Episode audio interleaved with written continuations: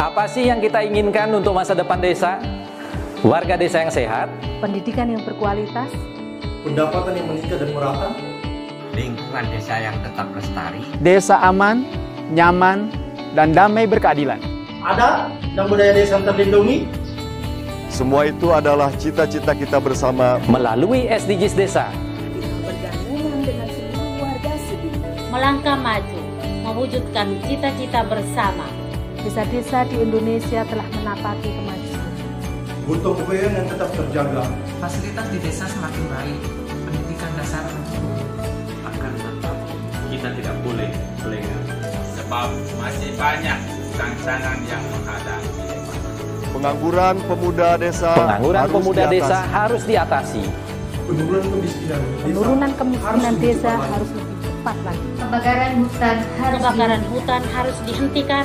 Kekerasan terhadap perempuan Kekerasan harus terhadap dihilangkan. Perempuan harus dihilangkan. Pekerjaan-pekerjaan yang belum usai ini. Kini harus kita tuntaskan. Jadi, mari berdiri Mari berdiri Mari berdiri Mari berdiri sebaris Berjajar bergandengan tangan Lupis kuntul baris Mewujudkan cita-cita kita bersama Dan pastikan Tidak ada satupun warga desa yang tertinggal di belakang Mari membangun Indonesia dimulai dari desa. 18 tujuan untuk mewujudkan desa yang lebih baik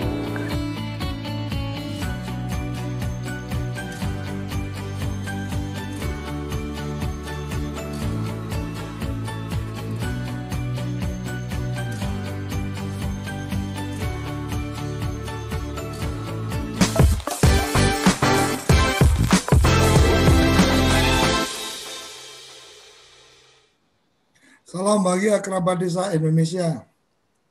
Mendengar bumpernya tadi kayaknya SDGs desa ini perlu ada salam khusus ini. Jadi salam sebaris, holobis, kontol baris kan gitu. ya, ya kesifat ya. Jadi setuju, uh, setuju.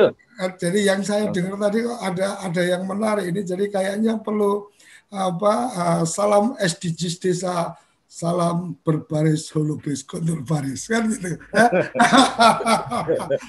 Oke, okay. karena tidak boleh ada yang tertinggal, maka harus apa saling bergandengan tangan holobis kontur baris ini eh, kayaknya perlu juga ini diusulkan ke Gus Menteri untuk menjadi salam SDGs desa. Oke, okay. pagi ini eh, kerabat desa salam bahagia sudah bergabung jadi dari uh, obrolan yang kemarin ada yang menarik adalah bahwa ketika apa posisi goals tentang air bersih dan sanitasi ini tercapai maka banyak hal yang bisa kemudian apa goals-goals yang lain itu akan gampang tercapai. Artinya kesehatan kemiskinan dan seterusnya. Karena dengan sanitasi yang bagus kesehatannya bagus me, apa bisa bekerja dengan lebih baik dan seterusnya.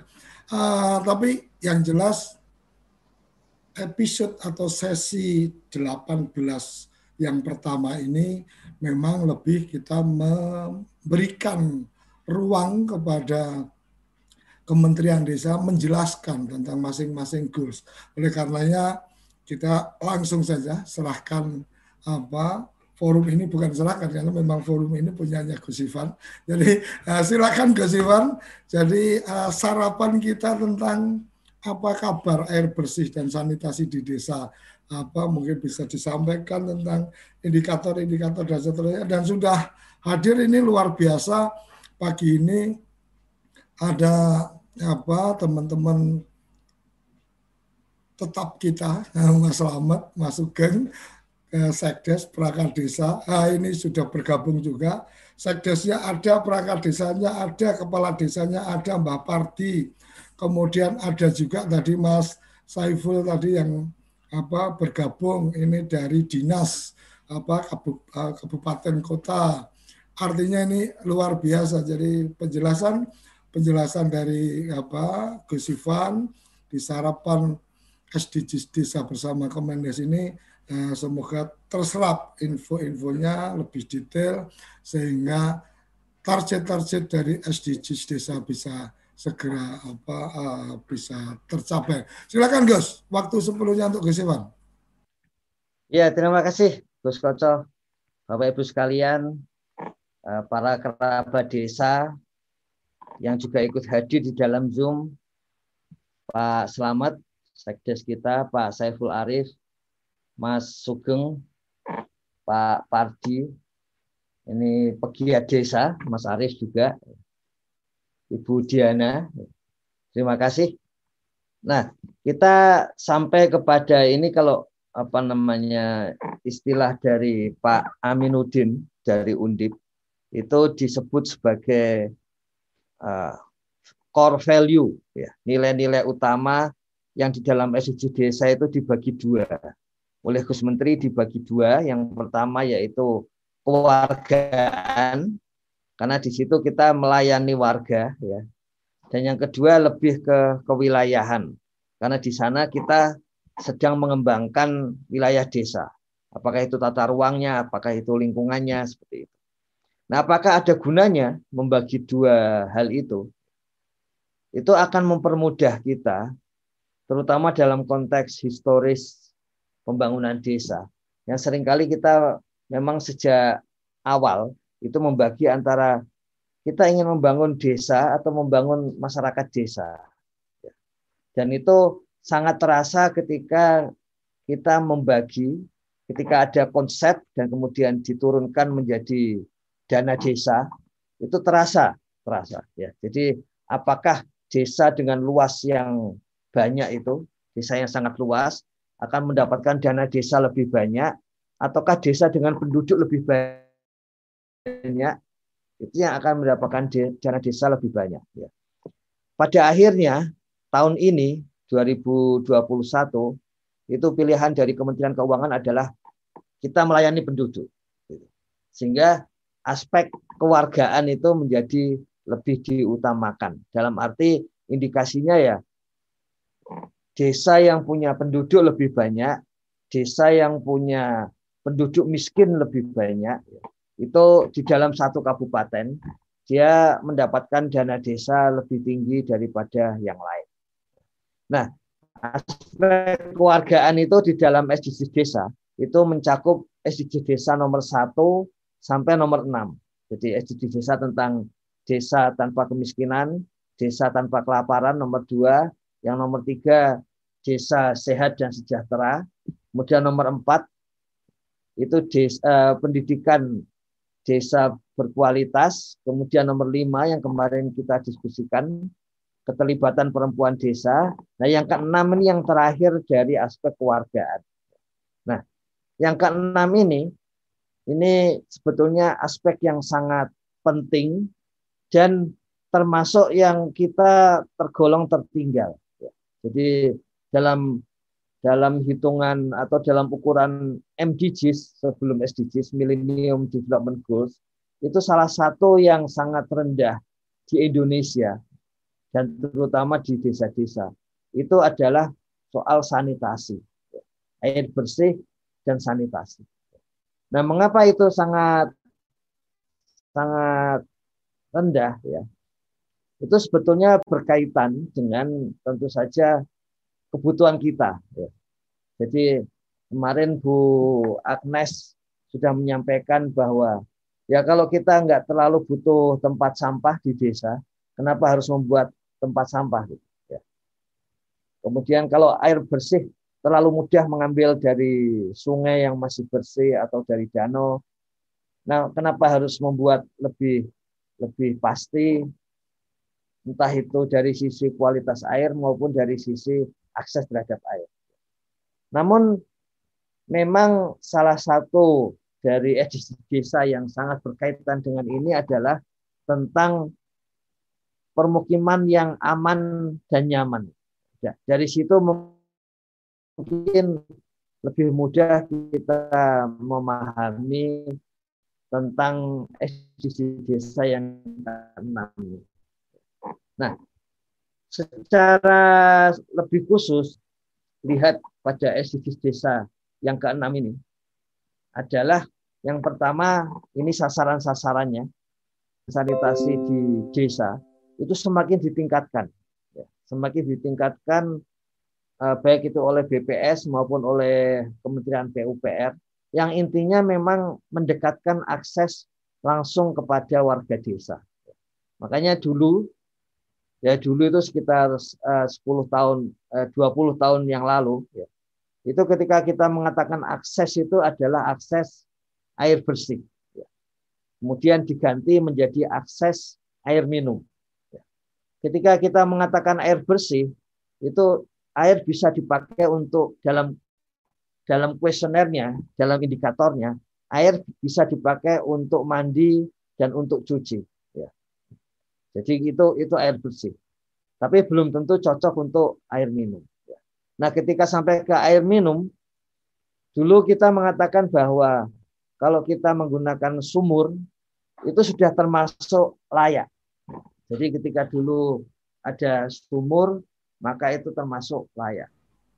Bisa dibayangkan pembuatan sumur dari dana desa sendiri itu sudah puluhan ribu. Nah, sekarang yang dibutuhkan justru bukan sekedar sumur, ya, tapi masuk ke dalam bak kamar mandi dari warga desa.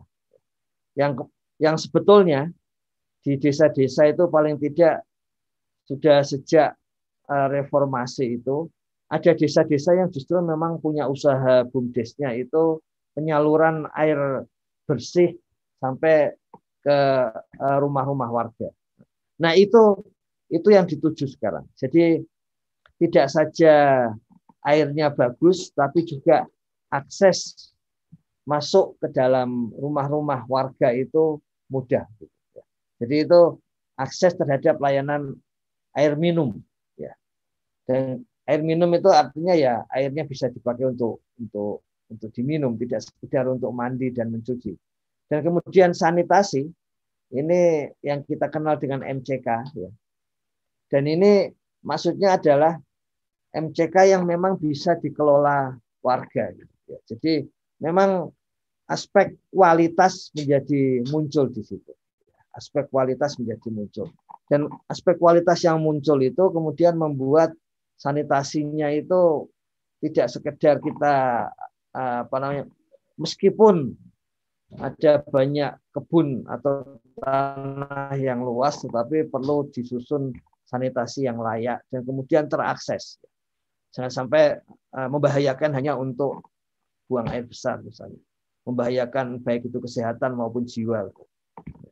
Kemudian yang kedua, keluarga dan industri yang dilayani oleh air baku ya, itu mencapai 100%. Air baku ini air yang cukup bisa dipakai untuk melakukan usaha produktif. Ya. Jadi tidak harus bisa diminum, tapi misalnya usaha untuk yang berkaitan dengan air, misalnya tapioka seperti itu. Nah ini keluarga bisa dilayani dengan air baku. Tentu saja nanti ada aspek yang lain supaya tidak ada pencemaran. Ya. Kemudian yang nomor tiga, keluarga dan industri di desa pengguna uh, air limbah sorry ini bukan pengguna tapi maksudnya yang yang punya fasilitas untuk pengolahan air limbah dan lumpur tinja itu 100% ya. Jadi ini ini tidak tidak sekedar air dibuang tapi harus diolah atau paling tidak memang ya kita kenal kalau kita ada septic tank itu cukup untuk keluarga sementara untuk untuk industri dia harus memastikan ada fasilitas air limbah terutama sebelum masuk ke eh, fasilitas umum atau common pool resources sumber daya umum seperti masuk ke sungai, masuk ke danau seperti ini. Kemudian kualitas sumber air ya. Ini kualitas yang paling mudah dicek di desa. Bu Agnes sudah menyampaikan bahwa ya tentu saja yang paling bagus dicek di laboratorium gitu. Dan dan mungkin saja ada cara yang lebih mudah ya. Mungkin saja ada cara yang lebih mudah. Nah, ini kualitas air tidak berwarna, tidak berbau, tidak berasa ya. Maksudnya tidak berasa uh, tidak berbau um, apa namanya itu busuk begitu, tidak berasa misalnya terlalu terlalu masam ya. Nah itu untuk untuk mudahnya gitu. Kemudian nomor lima itu ada SK Kades atau Perdes tentang penggunaan air tanah dan tata kelola sumber daya air. Nah ini saya kira kita juga sudah sama-sama tahu ini menjadi penting karena memang salah satu sumber daya alam yang dipakai oleh BUMDes bahkan bukan hanya BUMDes kemudian uh, industri dari luar datang itu memang sumber daya air ya. Sehingga satu perdes tentang penggunaan air tanah ini menjadi relevan saat ini ya. Jadi kita tahu ada puluhan bumdes ya yang saat ini unit usahanya itu adalah air bersih ya. Dan dan di antara itu ada yang unit usahanya itu memang menjual air kemasan.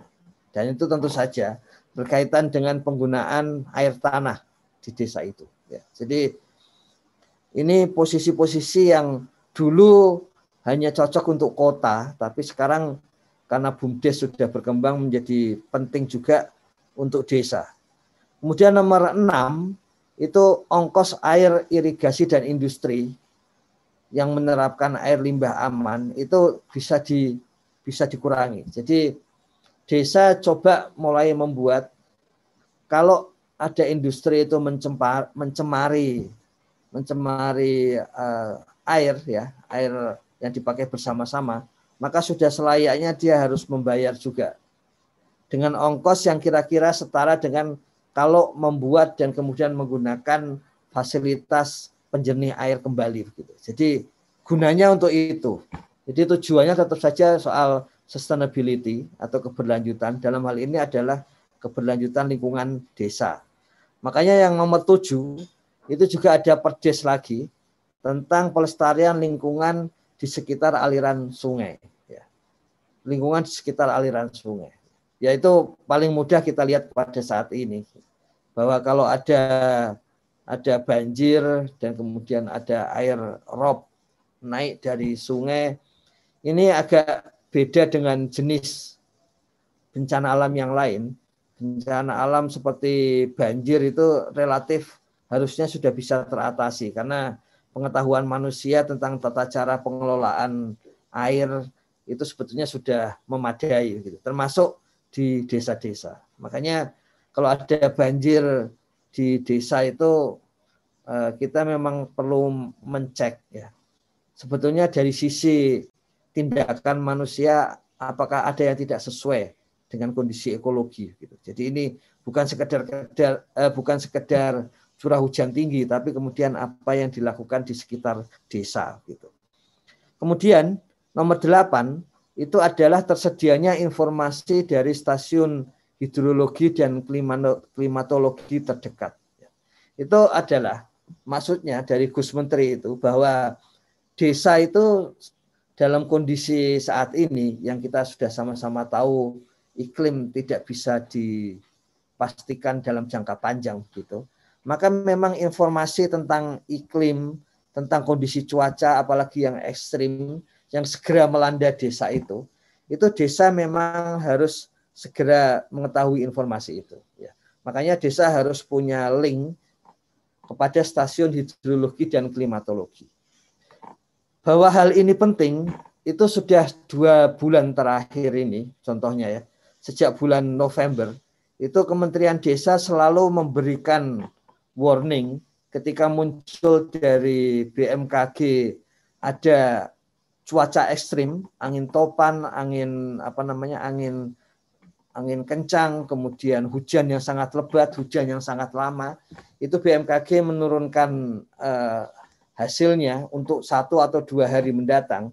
Itu Kementerian Desa melalui tim Sapa Desa itu mengirimkan SM, eh, kepada malam hari biasanya karena begitu itu muncul di sore hari kemudian diolah oleh tim Sapa Desa malam hari itu tim Sapa Desa mengirimkan WA kepada kepala desa kepala desa di mana lokasinya itu menurut BMKG dalam satu sampai dua hari mendatang kemungkinan ada cuaca ekstrim. Ya. Jadi itu sebetulnya salah satu cara untuk menangani yang nomor 8 ini. Jadi ada informasi dari stasiun hidrologi dan klimatologi terdekat. Kalau tidak ada itu, Kementerian Desa akan melakukan.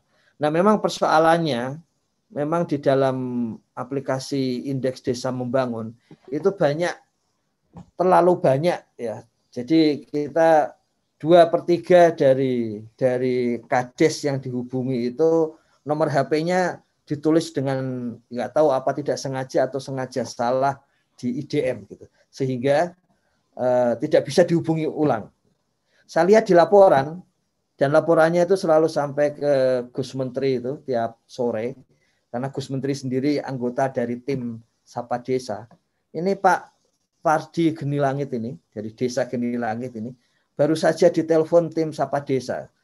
Apa dua hari yang lalu apa tiga hari yang lalu. Jadi nah itu tim itulah yang yang menelepon terus ke desa-desa memang untuk mengetahui aspek kualitatif ya. Selama ini kan kita menghitungnya kuantitatif, tapi apa yang dirasakan desa itu diambil dari tim itu. Nah, salah satu tugas tim itu adalah nomor 8. Memberikan informasi tentang bagaimana cuaca ekstrim yang akan terjadi di satu desa satu dua hari mendatang. Kenapa satu dua hari mendatang? Ya karena BMKG mengeluarkan uh, prediksinya untuk satu dua hari mendatang. Gitu. Kemudian tersedianya informasi sumber daya air. Ini juga penting ya, karena kita mengetahui ini contohnya desa-desa di pegunungan Kendeng yang sempat memiliki apa namanya hubungan disosiatif dengan pabrik semen itu. Itu salah satu yang menjadi argumen utama adalah informasi sumber daya air. Dan itu berkaitan dengan nomor 10.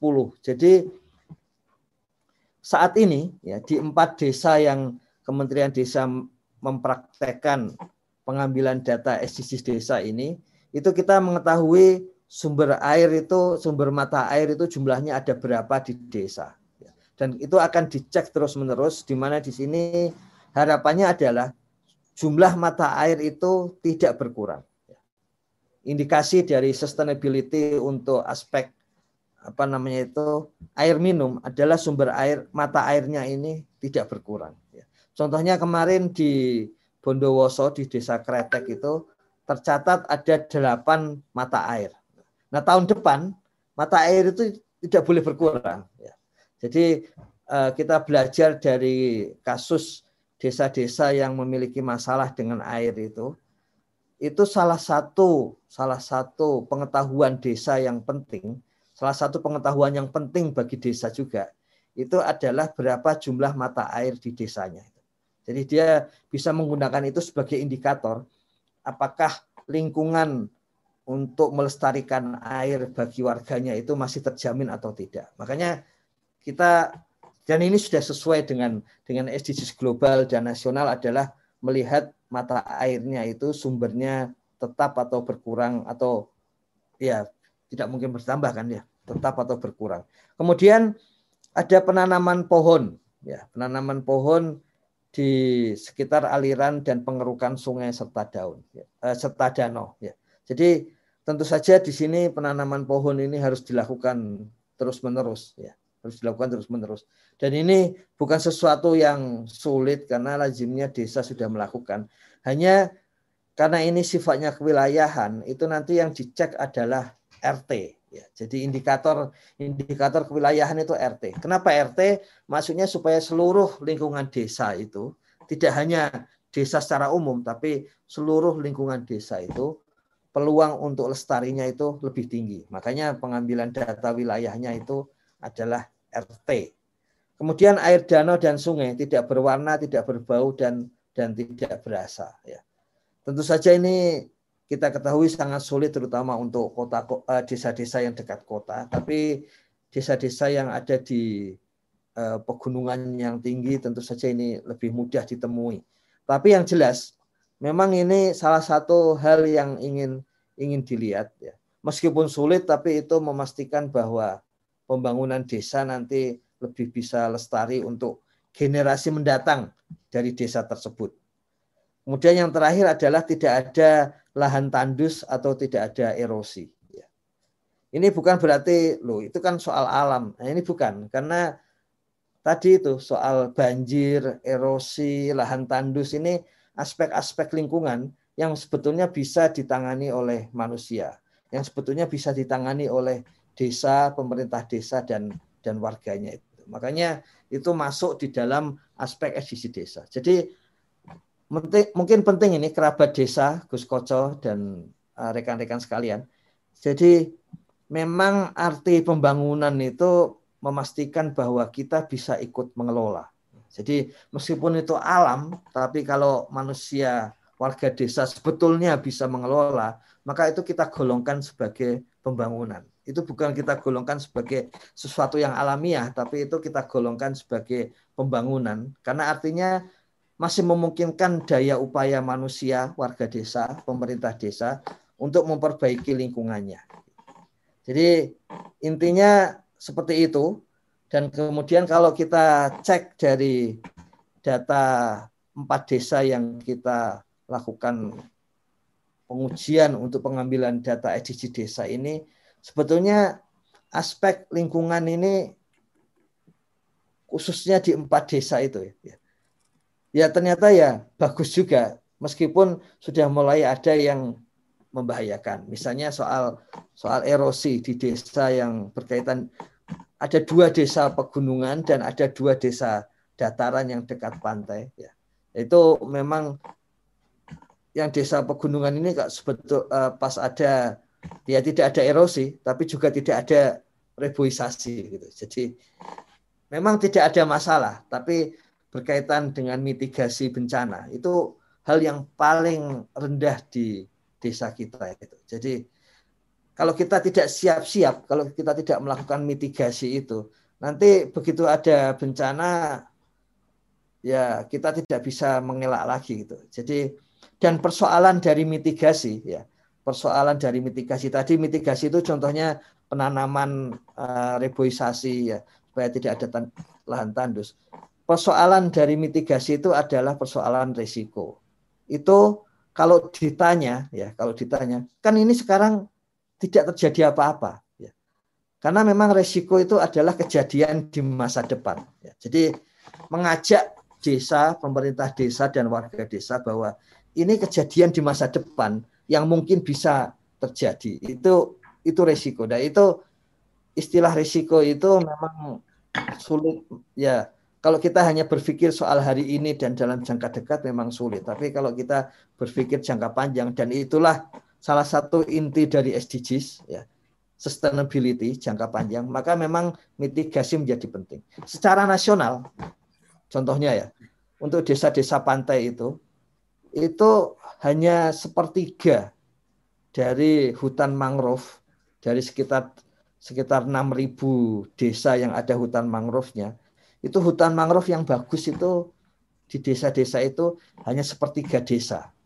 Hanya sekitar 2000 desa.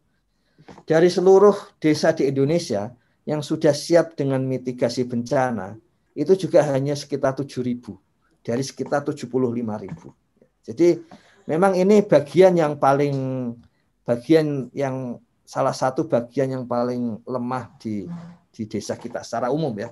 Dan, Kalau, dan dalam kas, Gus, dalam kasus, urusan kasus kita Terus kalau mitigasi mungkin lebih pada bagaimana bagaimana sosialisasi, bagaimana apa diseminasi informasi sehingga mungkin kalau kalau kita bicara mitigasi lebih pada mengurangi apa mengurangi potensi risiko ya artinya uh, bagaimana tindakan-tindakan yang harus dilakukan. Jadi yeah. sangat gamblang uh, yang sudah disampaikan Gus Ivan tadi tentang SDGs kita yang keenam desa layak air bersih dan sanitasi. Jadi beberapa indikatornya sudah disampaikan dan saya melihat uh, ada bagian yang memang sudah dilakukan uh, cukup apa uh, jauh sebelumnya seperti ada program PNPM dulu dengan Pamsimasnya dan seterusnya itu mungkin salah satu tentang uh, bagaimana ketersediaan air bersih itu untuk masyarakat Uh, kita akan memperbincangkan lebih dalam karena ada pelaku-pelakunya juga di sini. Ada masukan ini yang juga mengelola PAM Simas, kemudian mungkin Bu Agnes uh, dan teman-teman yang lain akan memberikan pandangan-pandangannya, tapi kita akan jeda dulu untuk menikmati apa uh, sarapan. Sarapan itu nggak mesti makan tapi kue-kue juga cukup kopi rokok juga cukup. Oke uh, kita akan jeda sesaat untuk kemudian kita lanjutkan lagi sarapan SDGs kita bersama Kementerian Desa. Jangan ke mana-mana. Kamu tinggal di pulau terpencil pegunungan pinggiran kota atau daerah di Indonesia yang tidak terjangkau jaringan fiber ADSL, dan juga 3G. Internetan dengan cepat pasti cuma akan menjadi mimpi. Mau pakai tol langit, pakai desa wifi, kunjungi www.desawifi.id. Apa sih yang kita inginkan untuk masa depan desa?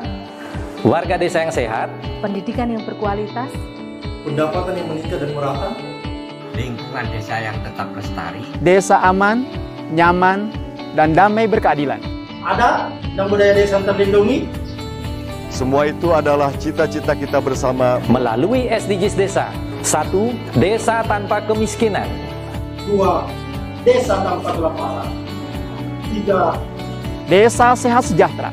Empat, pendidikan desa berkualitas.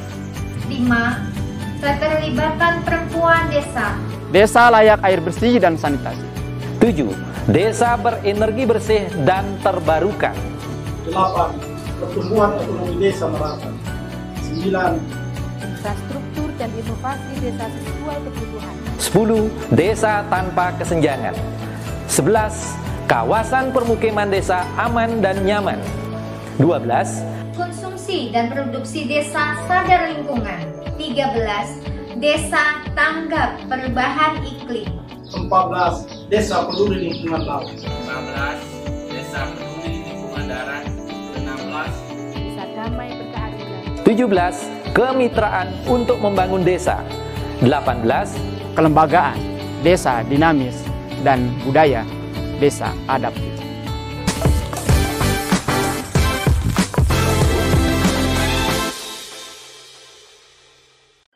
Desa Vision. Desa Vision memberikan pilihan tayangan edukasi dan inspirasi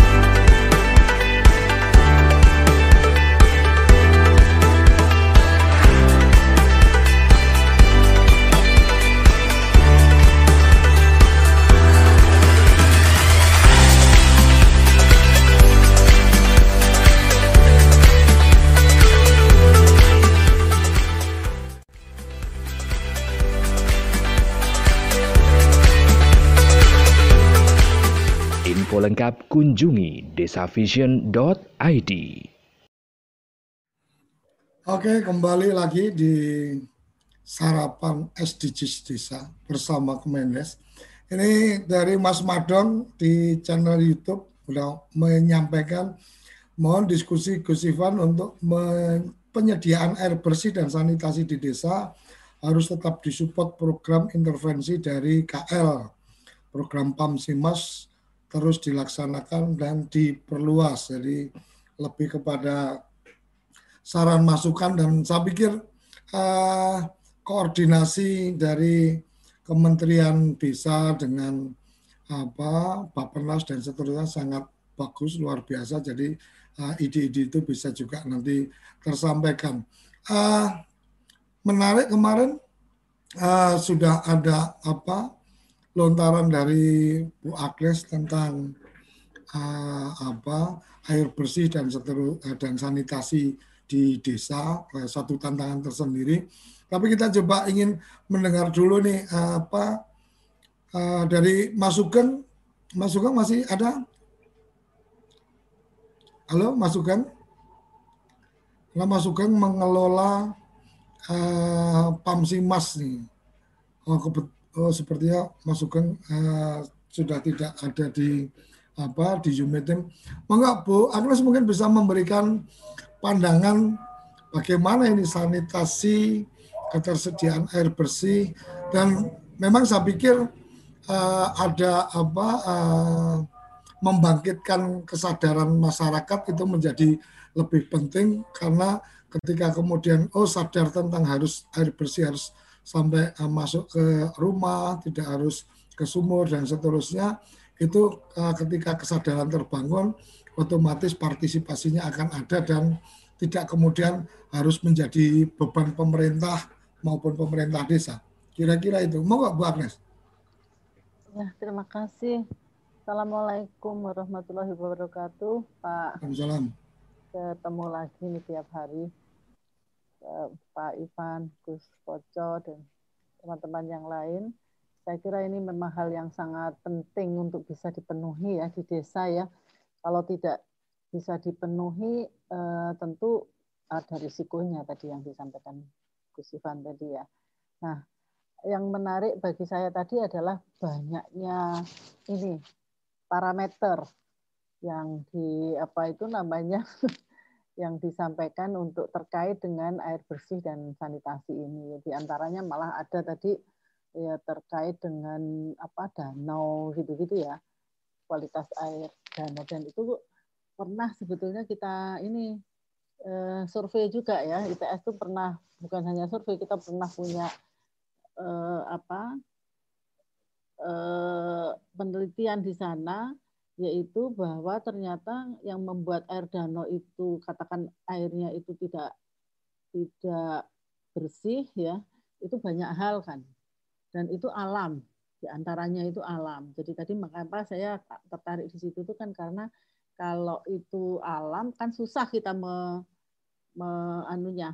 Tapi masyarakat butuh sekali karena tidak ada air lagi selain air danau itu. Lalu kami kalau tidak salah itu dulu kita pernah di Ranugrati ya Pasuruan, kemudian di Gresik juga pernah dan mereka akhirnya kita bantu dengan membuatkan pengolahan air itu di, di sampingnya. Di sampingnya. Jadi jadi akhirnya masyarakat masih tetap bisa di, memakai air itu gitu loh. Nah, kemudian yang kedua yang saya soroti juga adalah indikator yang lain. Itu ada indikator-indikator atau parameter-parameter yang memang itu dikerjakan oleh orang desa. Tetapi ada yang kelihatannya itu eh, harus menjadi tanggung jawab pemerintah pusat gitu ya. Jadi misalnya menyediakan eh, apa informasi tadi kan pasti dari pusat ya Kemudian saya juga melihat mungkin peraturan-peraturan desa itu saya ini yang awam Pak Ojo. Apa apa ya sih peraturan desa itu cukup mempan ya dipatuhi oleh orang desa? Apakah tidak eh, lebih baik peraturannya itu di atasnya? Jadi misalnya oleh kabupaten dan seterusnya gitu ya atau pemerintah daerah lah setidaknya sehingga orang eh, desa itu eh, ada mengacu kepada peraturan di atasnya. Jadi kalau misalnya kalaupun ada peraturan desa, berarti kabupaten harus punya peraturan gitu supaya desa itu cukup kuat untuk menjalankan peraturan yang di wilayahnya itu. Karena masyarakat desa itu kan eh, politiknya dalam tanda petik agak aneh buat saya ya. Agak aneh kalau tidak suka sama Pak Lurahnya itu terus dia ngeblok terus dia nggak mau nurut gitu. Jadi oposan yang ekstrim misalnya seperti itu. Nah ini Eh, hal-hal yang saya soroti dari makanya waktu saya minta ke Pak Ivan anunya apa PPT-nya gitu.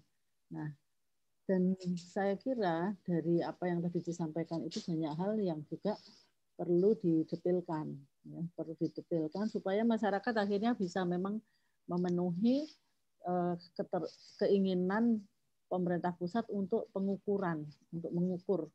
Karena kalau masyarakatnya itu nggak paham kan, masyarakat desa maksud saya kalau nggak paham kan akhirnya agak susah untuk uh, diukur gitu ya. Saya kira uh, kemarin sudah saya sampaikan kalau untuk urusan air bersih dan sanitasi itu kemarin kita sudah sampaikan. Salah satu hal yang paling um, ini pengalaman yang paling susah itu bukan secara teknologi karena secara teknologi kan uh, perguruan tinggi bisa bantu tetapi menyadarkan mereka. Menyadarkan mereka. Jadi ada proses uh, apa itu penyadaran pada masyarakat untuk mau katakan mempunyai uh, eh, WC katakan seperti itu, itu susahnya setengah mati. Sampai akhirnya kita belajar untuk me, uh, apa itu bagaimana istilahnya dulu tuh triggering. Men-trigger masyarakat akhirnya punya WC itu belajarnya itu lama itu dibandingkan dengan teknologinya Betul, betul. Dan, ya, belajarnya lama sekali. Akhirnya apa? Saya saya merasakan itu, Bu. waktu akhirnya, waktu ke mahasiswa itu harus tiga tahun baru kemudian mereka, oh ternyata punya kakus sendiri itu lebih enak gitu. Nyaman. Iya, sampai akhirnya ada model-model apa metode-metode yang harus mempermalukan mereka dulu. Jadi rapat ya, kita tuh pernah rapat di tempat yang eh, apa itu orang suka BAB di situ.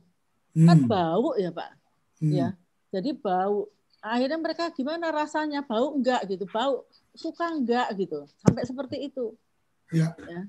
Terus ada yang punya anak-anak gadis misalnya, itu juga kita contohkan. Masa iya anak-anak gadis itu eh, apa itu eh, melakukan BAB sembarangan ya? Apa enggak hmm. malu seperti itu? Ya ada ya. yang marah, ada yang marah. Orang-orang itu digitukan kan marah ya. Hmm. Tapi akhirnya banyak yang sadar. Nah, proses itulah yang panjang sampai akhirnya mereka itu mau nurut gitu dan mau mengeluarkan uang untuk ini atau bukan mengeluarkan uang, uang mereka tidak mengeluarkan uang aja nggak mau. Jadi hmm. akhirnya mereka itu mau uh, mempunyai sanitasi sendiri itu salah satu uh, contoh. Jadi edukasi menjadi lebih edukasi lebih utama ya untuk urusan sanitasi. Iya. Yeah. Saya kira itu dari saya. Mungkin nanti ada teman saya loh Pak. J. J. Monggo J. silahkan kalau mau ditambah. J. Monggo uh, siapa? Atau kita ke Mas Sugeng, Mas Sugeng mungkin satu dua menit berbagi cerita tentang ini mana Mas Sugeng tadi? Mas Sugeng keluar masuk nih kayaknya. Halo Mas Sugeng, tadi kayaknya udah kelihatan ini nggak ada lagi. Uh, selamat mungkin uh, tadi tentang Pamsimas, bagaimana mungkin respon ininya uh, apa? Tadi sempat menyampaikan tentang peng, apa masukan sebagai salah satu yang mengelola itu. Semenit dua menit Mas berbagi dengan yang lain, monggo. Oke, yeah. terima kasih uh, Gus Koco. Selamat pagi kerabat desa uh, semuanya.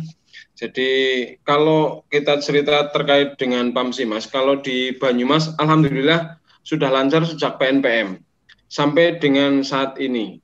Sehingga terkait dengan eh, kebutuhan tentang air bersih, eh, insya Allah desa masing-masing desa di wilayah Kabupaten Banyumas sudah sangat memikirkan.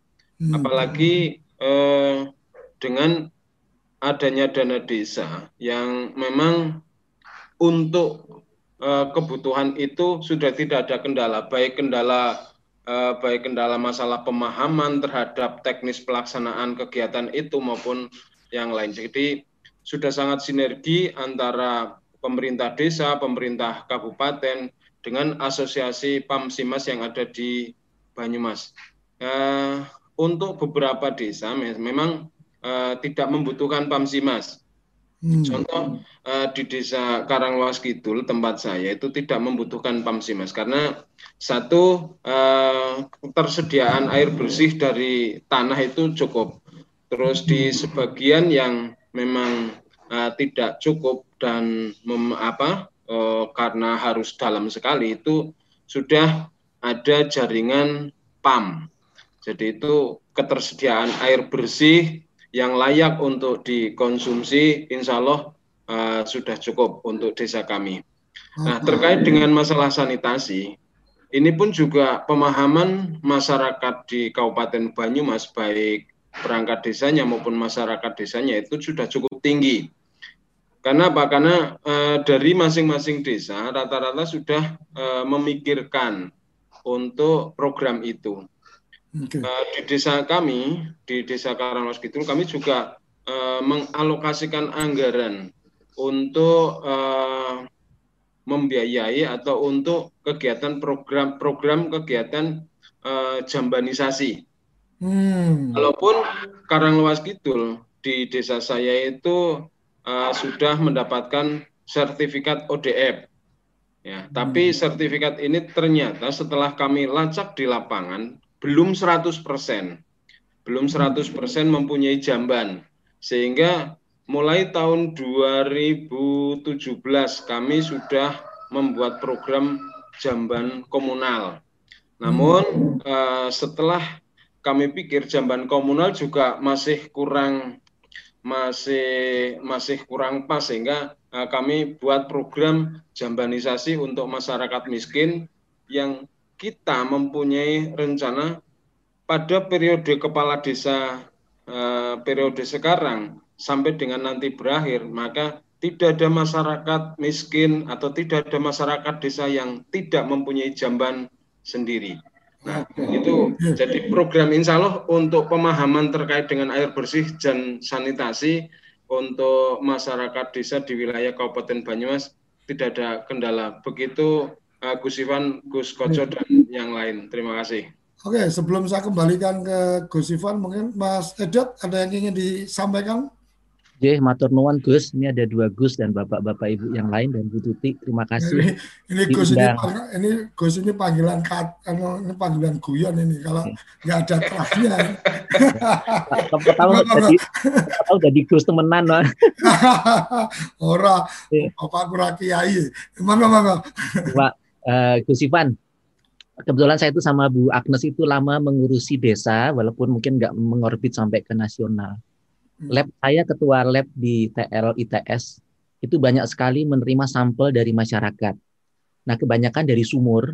Hmm. Nah, tidak ada satu air sampel sumur pun yang kami dapati itu yang tidak mengandung E. coli. Jadi oh. mungkin mungkin mengapa dulu para presiden-presiden E. coli-nya tuh selalu ada gitu loh, Gus. Uh, makanya angka harapan hidup kita itu memang bertambah panjang, tapi sakjane gak iso panjang-panjang banget. Hmm. Karena memang kita tuh terbiasa kebal dengan E. coli. Kita ini kan suka plesetan ya. Hmm. Dan E. coli itu memang berbahaya. Jadi uh, istilah air minum di dalam peraturan Menkes dari WHO itu itu harga mati, Gus. Tidak boleh ada air bersih. Dan seperti Bu Tuti sampaikan tadi itu, uh, masalah gender itu ini bukan lagi masalah pemberdayaan ya, tapi gender. Kalau ibu-ibu itu dikasih tahu bahwa kalau beli air, min, kalau punya air minum dari BUMDes, hmm. itu kita bisa menghemat pengeluaran per bulan itu sampai 50 ribu, apalagi sampai 100 ribu. Ibu-ibu tuh jadi nyari banget gitu loh. Tapi karena ibu-ibu ini tidak tahu dan juga tidak ada kepemimpinan yang mungkin bagus di desa, sehingga tidak punya air minum tuh bagi mereka tuh lumrah gitu loh apalagi hmm. punya jamban tidak terpikirkan sama mereka. Uh, satu hal yang mungkin saya sampaikan terakhir itu hari ini tuh kita belajar banget dari orang Amerika yang katanya kaya dan berpendidikan tinggi. Ternyata dengan presiden yang seperti itu saja, imamahnya itu jalan. Jadi kalau walaupun dia tuh orang-orang pintar, di kongkosnya itu diparani gedung putih loh. Dan yang kene lah. Kalau ada kades, menghormati pimpinan kenalan ya mas ya. Betul nggak? Jadi kalau para kades itu dipanggil misalnya ke apa pusdatin atau ke mana gitu ya ya tapi hmm. orang orang mungkin ya mestinya gubernur resistan ya kalau ada orang mungkin ya tapi juga itu kalau mereka apa imamah itu jalan Gus apalagi imamah yang berbasis apa gender mengutamakan para ibu mereka tuh orang yang paling didolimi ya hmm. wanita dan ibu-ibu tuh orang yang paling didolimi kalau nggak ada air bersih dan sanitasi jadi hmm. kemudian kita emang juga imamah yang baik karena nanti kita nih akan ditanya juga yang dia dari ITS loh wis ngomong apa wae Pak Mus ning kono lah. Karena hari ini kan dibanding sama Gus Koco nah saya tuh bisa mengeluarkan sesuatu. Tapi apa ditakoni? Ya Gus Koco tak celuk sisan. Ya arek iki mbiyen ngono lho. Ditakoni wis ana jawabane oh iya. Terus Gus Ivan mungkin gini Gus. Uh, mungkin per, per kabupaten eh per, per provinsi perlu dilombakan Gus. Kampung-kampung yang baik ini apakah dia di kota harus ada sesuatu yang yang bisa diperbandingkan. Jadi jangan sampai yang di tapi monggo ya, kalau eh, SDGs desa itu hanya hanya untuk desa, monggo. Tapi artinya memang mereka tuh perlu diapresiat karena perlu diketahui oleh teman-temannya yang lain. Jadi hmm. pembelajaran tuh di antara mereka saja. Nanti kalau yang datang ITS itu dianggap mulu-mulu, yang datang ITB, UGM, lah itu lah uang-uang pinter ngono loh. Tapi kalau uang desa itu bisa, mudah-mudahan mereka tuh tergerak pengen kayak konco-konco nih. Gitu Gus Koco. Ternuan. Oke, Maturnuan luar biasa. Jadi memang uh, gini Mas Edat, ada uh, agenda kita ini setelah 18 SDGs, SDGs 8 sampai ke 18 nanti apa disampaikan itu agenda berikutnya kita akan mencoba mengundang kades-kades yang kemudian inovatif, inspiratif terkait dengan apa uh, goal-goal dari SDGs. Jadi seperti yang tadi Mas Edat sampaikan, biarkan mereka belajar dari temennya. Artinya kades yang bercerita ini loh aku dulu memulainya kayak gini. Jadi iya. kades-kades yang lain bisa apa terinspirasi perangkat desa yang lain bisa terinspirasi penggiat yang lain bisa terinspirasi.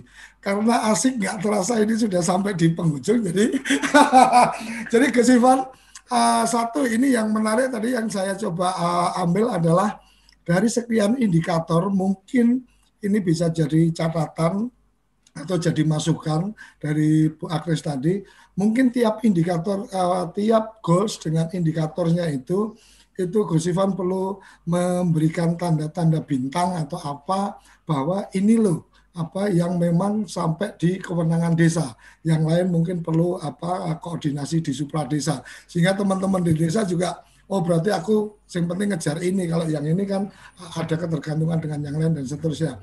Dan yang kedua tadi apa ide luar biasa dari Mas Edo tentang uh, bagaimana inspirasi dari teman-teman yang sudah melakukan inovasi dalam rangka goals apa SDGs desa ini kemudian juga apa diberikan satu apresiasi atau apa pun itu namanya. Silakan Gus Ivan sekaligus closing. Wah, ini oh iya ada Prof Yoyon ini. Wah, nanti apa uh, Gus Ivan habis itu Prof Yoyon kita tambah waktu 5 10 menit juga enggak apa-apa. Oh, enggak silakan Gus. Iya. Uh, terima kasih Bu Agnes, Pak Selamat, ya, Pak Sekdes, Pak Edot. Nah, saya kira yang disampaikan Pak Edot terakhir itu memberikan kita penjelasan yang memang ya memang karena dari ahlinya. Jadi penjelasan yang memang betul-betul menunjukkan tadi yang menarik bahwa tidak ada air sumur dari desa yang bebas uh, E. tadi. Jadi dan tadi disampaikan juga bahwa sudah tidak ada tidak ada lagi eh, apa namanya itu tadi tidak ada lagi toleransi bahwa yang harus ada itu air minum ya air minum yang harus tersedia. Dan ini salah satu yang memang belum tercapai di dalam NDGs 2000 2015 itu ya. Karena ini kelihatannya mudah karena kita sering membaca apa namanya buku, film bagaimana di desa itu semuanya melimpah airnya itu. Tapi ketika sampai ke ranah kualitas itu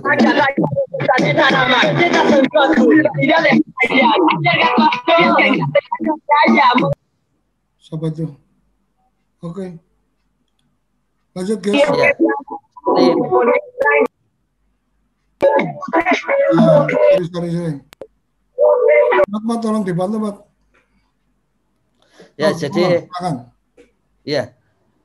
Ya, saya kira dan kemudian tadi eh, yang menarik adalah bahwa desa sendiri itu sudah sebetulnya sudah mulai ada paling tidak yang tadi disampaikan uh, Pak Sekdes, Pak Selamat itu bahwa bahkan desa-desa di satu kabupaten itu sudah punya kesadaran itu ini aspek yang ditekankan Bu Agnes dan Pak Edut itu yang pertama itu bahwa harus ada yang seperti itu sebelum melangkah lebih lanjut ke aspek teknis. Tapi artinya artinya yang terakhir Gus Koco, ya. Ya. Itu memang artinya kita memiliki harapan di sini ya. untuk Hmm. SDGs desa nomor 6 ini ya. Harapan bahwa tadi disampaikan dari sisi akademisi harusnya begitu dengan cara misalnya mulai dari budaya baru kemudian masuk ke teknis paling tidak yang dirasakan begitu. Yang kedua, kita mengetahui dari Pak Sekdes Selamat bahwa aspek budaya itu sudah mulai bergerak di desa. Ya. Tinggal nanti aspek teknisnya. Ya. Jadi tadi apa namanya Pak Pak Sekdes menyampaikan ada yang tidak butuh pamsimas. Nah kalau sudah tidak butuh tinggal ngecek mata airnya itu kan, apakah masih ada E. coli apa tidak sehingga harus diolah atau tidak seperti itu. Kiranya begitu Gus Koco. Okay. Salam sebaris, bolobus kontrol baris. iya mantap, Prof Yayan. Prof Yayan, mantap. Ya, ya. Assalamualaikum warahmatullahi wabarakatuh. Gus Ipan, Pak Koco, Bu Agnes, Bapak Ibu sekalian, mendengarkan tadi yang disampaikan Bapak Ibu semua, ya saya hanya merangkum satu catatan saja, ya, yaitu masalah air itu ada dua sebetulnya ya, yang paling penting menurut saya ketika itu. Satu masalah tata kelolanya, ya, tata kelolanya, dan yang kedua mengendalikan eh, eh, daya rusaknya, ya, daya rusaknya. Jadi satu tata kelolanya, dua daya rusaknya, ya, termasuk tadi ekoli dan sebagainya itu. Oleh karena itu Gus Ipan uh, tolong berkoordinasi dengan Kementerian Pekerjaan Umum, ya, Dirjen uh, Sumber Daya Air, ya. Uh, karena pada waktu itu uh, 10 tahunan yang lalu ya, saya diminta untuk menyiapkan draft uh, Dewan Nasional Air, ya pada waktu itu, karena air pada 10 tahun yang itu sudah bermasalah sudah bersalah. Uh, di lapangan prakteknya bisnis air itu menghabiskan sumber daya yang sangat banyak itu, itu luar biasa sekali tuh ya tuh saya keliling ke Temanggung ke mana-kemana itu sumber daya airnya itu tidak dinikmati oleh setempat ada bisnis air yang sangat luar biasa jadi di tingkat nasional kebijakannya saya kira ada dua itu tentang tata kelolanya secara nasional yang nanti berdampak ke desa ya yang kedua daya rusaknya. Daya rusaknya. Ini sekarang ini di tempat saya ini di desa itu tidak ada tidak ada hari yang tanpa longsor itu. Akibatnya apa? Akibatnya sumber-sumber air yang bersih tadi itu tercemari juga itu oleh Bu Agnes itu oleh longsoran-longsoran yang luar biasa sekali. Itu saya kira jadi masalah tata kelolanya dan masalah daya pengendalian daya rusaknya.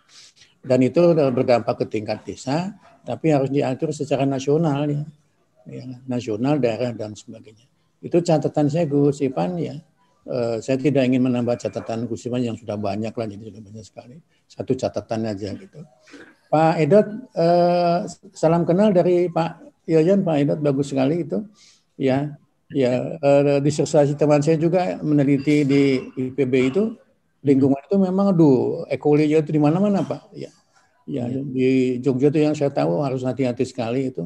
Di banyak tempat juga memang betul. Ya.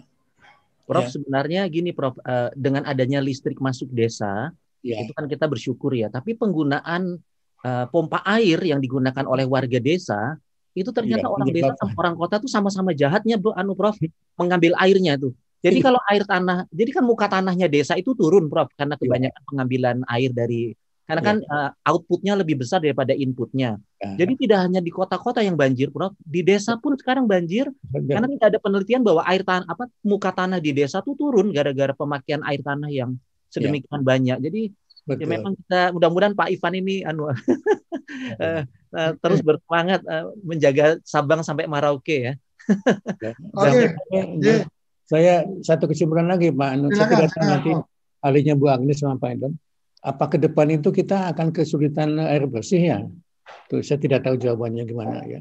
Anu Prof, uh, Ibu KLHK, Bu, Bu Siti Nurbaya kan udah mengeluarkan bahwa Jawa, Bali itu dinyatakan defisit air, Prof.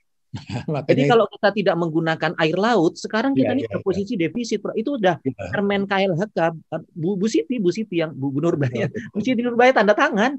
Ya, Jadi emang kita sudah dinyatakan secara hukum kalau menggunakan hujan udah defisit, Prof. Betul, betul. Itu yang masalah ke depan ya. Iya. Teman-teman Pak Edat, Bu Agnes, Bapak Ibu sekalian, terima kasih sekali. Ya, Gus Ipan, ya, sarapan pagi yang menunya yang agak beda ini bagus sekali gitu. Oke, oke terima kasih uh, uh, kerabat desa yang mengikuti acara ini dan terima kasih uh, kerabat istimewa yang bergabung di apa Zoom meeting kita. Karena waktu kita, jadi uh, kita cukupkan sampai di sini acara kita. Tapi untuk yang di Zoom meeting kita masih buka untuk beberapa menit ke depan untuk tambahan diskusi dan kita akhiri sarapan SDGs Desa bersama Kemendes hari ini kita sampaikan salam SDGs Desa berdiri sebaris holobis kental baris. Salam bahagia kerabat desa Indonesia. Terima kasih. Apa sih yang kita inginkan untuk masa depan desa? Warga desa yang sehat, pendidikan yang berkualitas, pendapatan yang meningkat dan merata, lingkungan desa yang tetap lestari, desa aman, nyaman, dan damai berkeadilan. Ada dan budaya desa terlindungi. Semua itu adalah cita-cita kita bersama melalui SDGs Desa. Bergabung dengan seluruh warga sedunia. Melangkah maju, mewujudkan cita-cita bersama. Desa-desa di Indonesia telah menapaki kemajuan. Butuh kebayaan yang tetap terjaga. Fasilitas di desa semakin baik, pendidikan dasar mencukupi. Akan tetap kita tidak boleh lengah. Sebab masih banyak tantangan yang menghadapi. Pengangguran pemuda desa Pengangguran harus pemuda diatasi. desa harus diatasi. Penurunan kemiskinan desa Penurunan kemiskinan harus desa harus lebih cepat lagi. Kebakaran hutan harus Kebakaran hutan harus dihentikan. Kekerasan terhadap perempuan Kekerasan harus terhadap dihilangkan. perempuan harus dihilangkan. Pekerjaan-pekerjaan yang belum usai ini. Kini harus kita tuntaskan. Jadi, mari berdiri, Mari berdiri. Mari berdiri Mari berdiri sebaris, berjajar bergandengan tangan, Holobis kuntul baris. mewujudkan cita-cita kita bersama. dan pastikan Tidak ada satupun warga desa yang tertinggal di belakang. Mari membangun Indonesia dimulai dari desa. 18 tujuan untuk mewujudkan desa yang lebih baik